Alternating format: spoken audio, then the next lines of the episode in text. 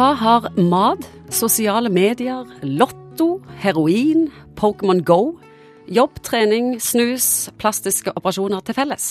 Jo, de er alle eksempler på noe du kan bli avhengig av, og mange er hekta. What's your poison, psykolog Egon Hagen? Ja, jeg er nok hekta på en del ting, jeg òg. Jeg er glad i jakt og fiske, som du sikkert kjenner til. Også. Du må dras inn i studio av og til. Ja, ja litt sånn.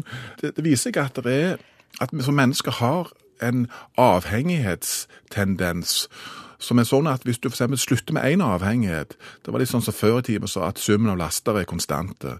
Så har den tendenser at du kanskje kan flytte den over på andre ting. Hvorfor er det sånn? Mange av de tingene som vi snakker om som er avhengighetsskapende, ser ut til å treffe i et lystsenter, eller et, et grunnleggende sånn motivasjonssenter dypt ned i hjernen vår. Og det er det samme enten det handler om dataspill, eller om det er alkohol eller, eller nikotin, så er det dette senteret på en måte som blir berørt. Og du kaller det et lystsenter. Når er da avhengighet et problem? Kan vi ha det for kjekt?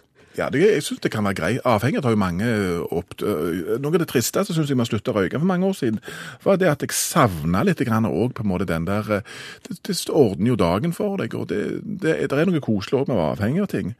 Men, men, avhengighet er problematisk i det øyeblikket du, måte, du mister kontrollen over dette, og du innskrenker det alminnelige utfoldelsesrepertoaret ditt. Du vil egentlig bare gjør det, og du mister interessen for andre ting som tidligere ga deg glede, f.eks. Og det er andre som reagerer på den, det forholdet som du har til dette.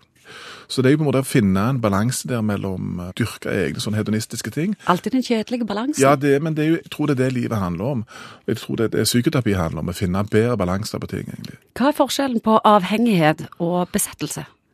Ja, du, du, ja, du spør du. Altså, kanskje det er litt uh, besettelse mer knytta til, til, forelskelse eller den ekstreme sånne ting. At du Det vi snakker om, er når disse subkortikale delene av hjernen blir berørt, og tenker at hva, hva er likhet mellom, mellom, alkohol eller heroin og dataspill, så viser det seg det at det er, det er de samme områdene som blir affisert. Mekanismene er litt forskjellige, men det viser seg at den mestringsopplevelsen som du får med å beherske dataspill, utløser noe av dette eh, velbehaget i disse områdene i hjernen. Kan en psykolog fikse og gjøre en frisk av avhengighet, eller ligger det og ulmer resten av livet og blir en kamp som du alltid skal ta? Jeg tror at eh, hvis du har vært skikkelig hekta Noe av problemet er at vi snakker om et kjempestort område. Hvis vi tenker i forhold rus Hvis du har vært skikkelig hekta en gang, da handler det selvfølgelig om å komme av det du har vært hekta på. Du må erkjenne at du har denne sårbarheten på bagasjetraller di. Og har du, har du vært skikkelig inndrukken, f.eks., så sier jeg at OK, sorry, Mac, du må liksom holde deg vekke.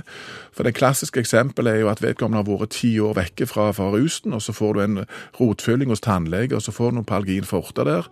Og de to der de blir fire Palgin forte, som blir en kvart bitter.